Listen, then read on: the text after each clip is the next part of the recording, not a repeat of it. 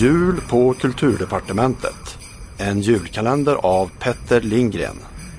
Avsnitt 8. Strutkillen gör entré. När jag följande morgon öppnade dörren för att stiga in på kontoret slank en underlig figur förbi under min arm.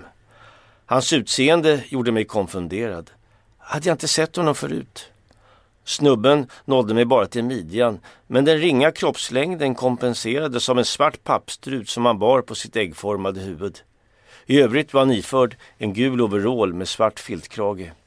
Kulturministern var redan på plats. Ja, så bra att du kunde komma Tauno, slå dig ner. Också jag ombads att sätta mig vid ministerns skrivbord. Och strutkillen, eller Tauno då, hivade upp en tygpåse och tömde ut dess innehåll på bordet. Här ska du få se på grejer, mös kulturministern. Jag betraktade den eländiga skrothögen framför mig.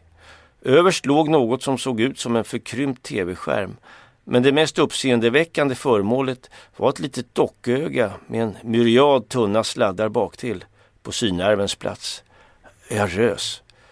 Ja, det där är alltså linsen som ska registrera läsarens ögonrörelser, förklarade Tauno. Han kastade en blick mot min facit. Eh, du har inte funderat på att regulera valsen på den där?